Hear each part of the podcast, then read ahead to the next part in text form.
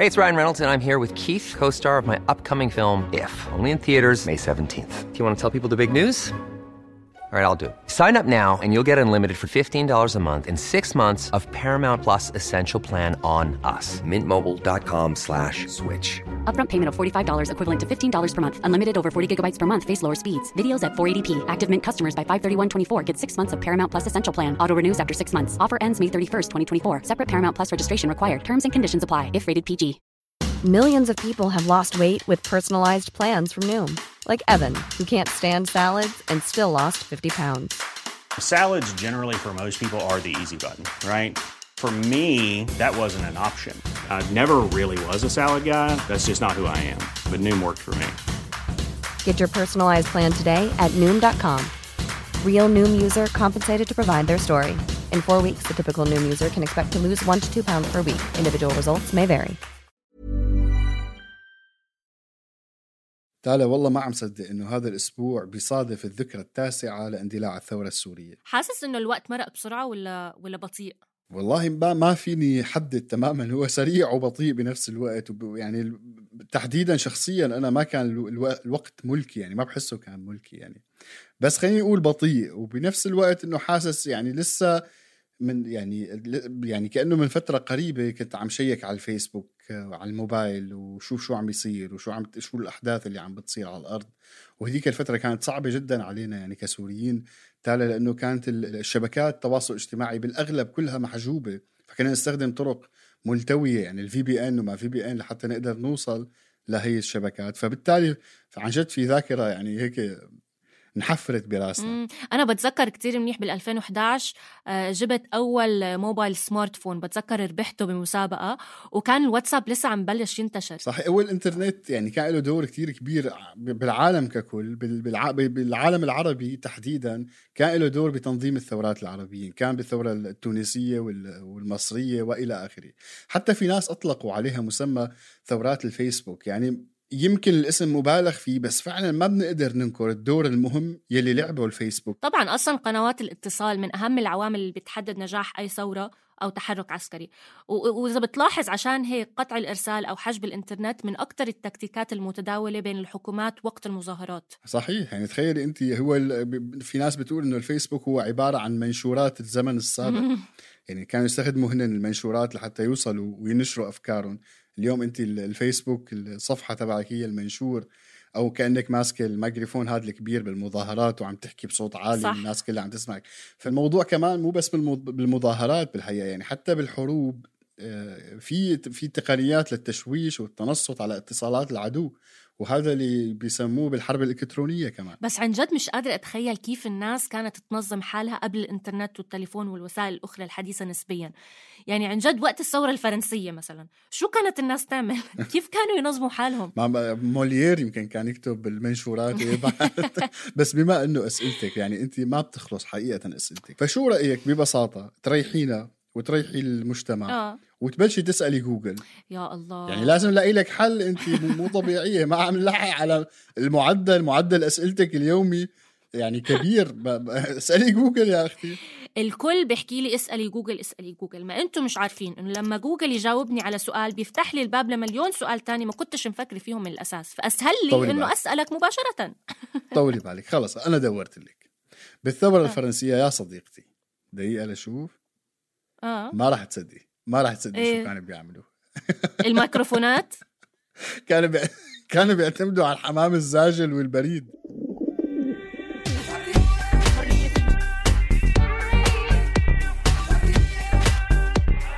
أنا عروة. وأنا تالا. بنقدم لكم بودكاست حرر من إنتاج صوت.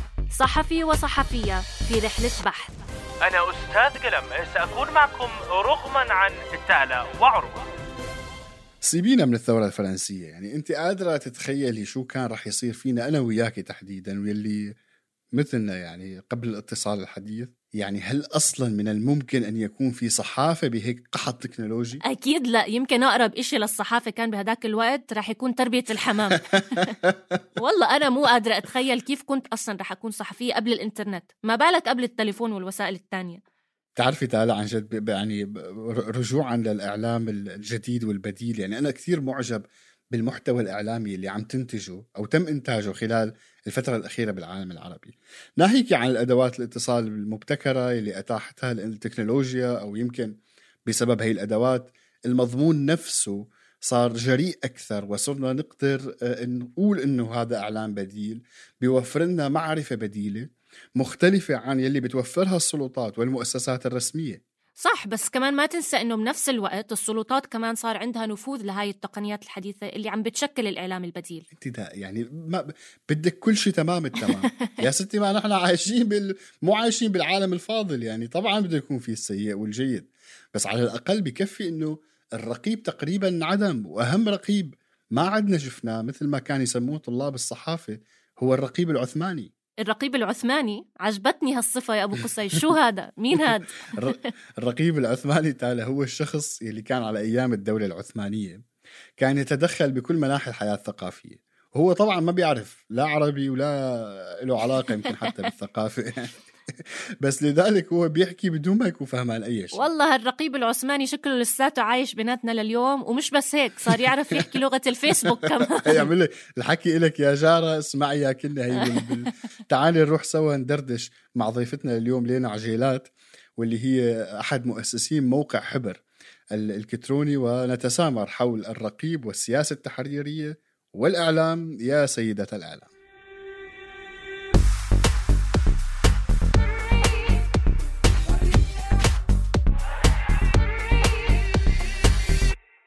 صباح الخير لينا. إحنا كتير مبسوطين إنك معنا اليوم. آه صباح الخير. أنا كتير كمان مبسوطة إنه معكم في برنامج حرر. آه إحنا حابين طبعا نحكي معاكي عن دور الصحافة بآخر عشر سنين. آه كيف تأثرت من وأثرت على المناخ السياسي اللي آه اللي طبعا يعني شهدنا فيه ثورات عربية ببلدان مختلفة؟ حابين نسمع منك أكثر عن العلاقة ما بين الصحافة والربيع العربي. هل يوجد علاقة؟ وإذا في علاقة شو شو يعني كيف ممكن توصفي لنا إياها؟ هلأ بالفترة اللي مباشرة كانت بعد هيك بعد بداية الانتفاضات والثورات العربية آه، يعني شفنا اهتمام كبير بتحليل ودراسة دور آه، الإنترنت ومواقع التواصل الاجتماعي والمدونات وغيرها ب خلينا نقول إنه دورها بهذا الحراك وهي الثورات. و أعتقد إنه طبعا أكيد كان في دور مهم بس إنه هيك في مرحلة ما شعرنا إنه شوي مبالغ فيه. بس يمكن مهم نتوقف هون شوي ونحكي إنه آه، نحكي عن مش علاقة الإعلام بالثورات العربية بس لو نقول كمان إنه كيف هاي الثورات أثرت على يعني أثرت على المشهد الإعلامي. آه، لأنه حقيقة يعني يمكن أحد أهم المكتسبات اللي شعرنا فيها كلنا بغض النظر عن كل بلد شو الوضع المختلف اللي صار فيه. آه، أحد أهم هيك المكتسبات المباشرة كانت هيك قفزة في حرية التعبير قفزة في آه، هيك إمكانيات النشر والنقاش والحديث عن قضايا ومواضيع سياسية. ما كان يعني ما كان متاح الحديث عنها هيك في فضاءات عامة كتير قبل. وأتوقع كمان الجمهور نفسه صار عم يعني يعني صار عم يتلقى نوع مختلف من المعلومات وصار عم يطلب نوع مختلف من المعلومات بسبب الظروف السياسية. مية بالمية. يعني إذا أنا ممكن أحكي عن تجربة آه، يعني من تجربتنا الشخصية من تجربتنا في حبر وتجربتي الشخصية مع حبر. يعني حبر بلشت ب 2007 سميناها منصة إعلام مواطن. لغاية 2011 آه، أعتقد إنه ب 2011 فعلا إحنا هيك مرينا بمرحلة تحول مهمة. هلأ 2011 كان لسه في هذا الزخم تبع يعني إذا بدنا نسميه إعلام المواطن إنه إنه كان يجينا مقالات شهادات تجارب شخصية. فكان يعني كان هذا الإشي فعلا فيه زخم كتير حلو.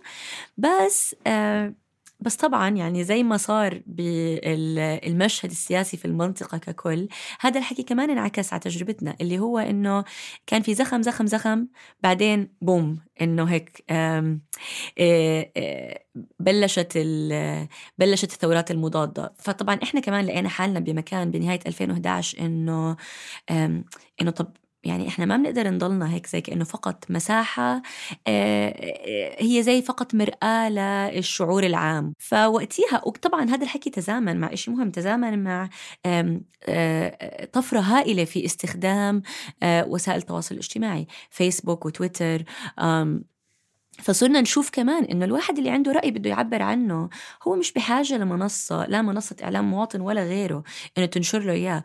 الناس بتقدر ببوستاتها على فيسبوك إنها توصل يعني عدد هائل من الناس.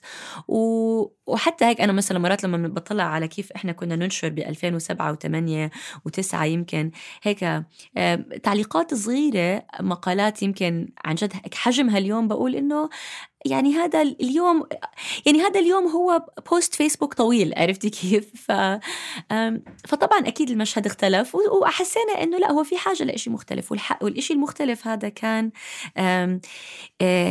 كان فعليا إشي بيستند على أرضية معلوماتية إشي بقدم بقدم مادة صحفية معمقة مختلفة عن الإشي اللي بقدمه الإعلام السائد والمهيمن في هذاك الوقت بس بس إشي عن جد بيقدر انه إنه يعطي أرضية للنقاش. ست لينا أنا حضرت مقابلتك حول قانون المطبوعات الصادر بعام 2011 وهذا بالحقيقة يثير سؤال حول دور القوانين في حرية الصحافة بشكل عام والصحافة الرقمية بشكل خاص. في إشي مهم إنه كيف التحول اللي صار آه، بعد 2011 كان في فترة هيك فيها زخم كبير وفرصة كتير حلوة بس بس طبعا بالتزامن مع الثورات المضادة بالتزامن مع التغير المشهد السياسي يعني خلينا نقول في 2012 بلشنا نشوف إنه إنه لا صار في تشريعات صار في قوانين يعني مثلا بالأردن قانون المطبوعات والنشر طلع ب 2012 شهر 9 آه، تعديلات سوري اللي هي آه، تعديلات قانون المطبوعات والنشر اللي فرض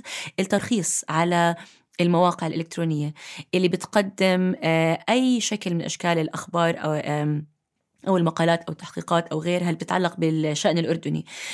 فصار لازم ترخص وإذا ما بترخص آه، بتنحجب. والترخيص حقيقه هو شكل من أشكال الرقابة. يعني فك حتى إحنا دائما بنقول إنه إحنا ضد حتى فكرة إنه الصحف والمجلات آه، تضطر إنها ترخص. طبعا في فرق بين التسجيل والترخيص. إنك أنت تسجل إنك أنت تكون يعني. إنه هيئة آه، بالضبط هيئة موجودة إنه بتقدر إذا في أي حدا بده يشكي عليك أو بده يسائلك على الإشي اللي أنت عم تنشره إنه بيقدر يعرف إنه مين هاي مين هاي الجهة. بس بنفس الوقت الترخيص فكرة الترخيص هي إنك أنت الحكومة بدها تعطيك إذن بدها تسمح لك إنك تنشر أو ما تنشر. هذا المفهوم يعني هو المشكلة عن جد عفى عليه الزمن. آه، تجاوزوا يعني تجاوزوا تطور النشر والتكنولوجيا والحرية والصحافة بالعالم. بس طبعا للأسف شفنا إنه كيف يعني إنه لا آه تم فرضه في الأردن وصار أمر واقع. يعني من 2000 و بأغلب الدول العربية بعتقد بأغلب الدول العربية وقانون المطبوعات يعني قائم. آه بس يعني وب... بالضبط. وفكرة ولسه فكرة التنظيم على الإنترنت يعني مثلا الأردن ب 2013 حجبوا عدد هائل من المواقع عشان يفرضوا عليها إنه ترخص. آه اضطرت المواقع إنها ترخص. صار الترخيص أمر واقع. آه طبعا في له شروطه المختلفه شفنا كمان مثلا كيف يعني لسه مصر الوضع كتير أسوأ طبعا لأنه في مصر ب 2017 لما بلش حجب يعني مواقع شمال يمين ما كان الحجب مرتبط بقانون أو بتشريع بس آه، ولا كان الموقع بيعرف شو لازم يعمل عشان يبطل محجوب آه، عشان يتفادى الحجب. بس بنفس الوقت شفنا كيف برضو آه رجعوا عملوا قوانين وتشريعات وإنه أنت لازم تقدم وتاخذ ترخيص وكذا وهيك. فطبعا هذا يعني فقط أحد أشكال القوانين في عنا قوانين جرائم إلكترونية في عنا قوانين مكافحة الإرهاب كل هاي القوانين اللي تركت حتى مش بس المواقع تركت المواقع ودخلت على فيسبوك وعلى ال social media وكذا وصرنا نشوف الناس اليوم عمالها بتوجه لهم تهم زي يعني تهم كتير كبيرة علشان منشورات عم بينشروها على فيسبوك ف وهذا الحكي يعني هذا الحكي للأسف إنه خطير وسلبي لكنه ماشي ماشي ومستمر وما فيش أي بوادر إنه إنه رح يتوقف في أي وقت قريب شكرا كتير لينا لوقتك وكتير انبسطنا بوجودك معنا اليوم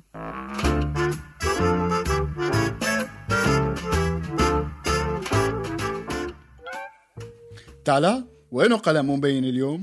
والله قلم كالعادة بظن إنه قاعد بيتسمع علينا وبيحكي علينا من ورا ظهرنا. قلم اظهر وبان عليك الأمان. والله والله أنتوا الاثنين عايشين بعالم المارشميلو. وشو إعلام بديل وقبل الربيع العربي وبعد الربيع العربي؟ شو شو بتسولفوا أنتوا؟ شو بتسولفوا؟ الإعلام هو رسالة نبيلة واضحة وصريحة. قال إعلام بديل قال. هسه لما بكتب شغله على الفيسبوك ولا على الإنستا والكل آه، بينشرها بكون صرت صحفي؟ ولا ولا ولا إعلام بديل؟ فكونا يا عمي فكونا. يا زلمة أنت من يوم يومك سنفور معارض.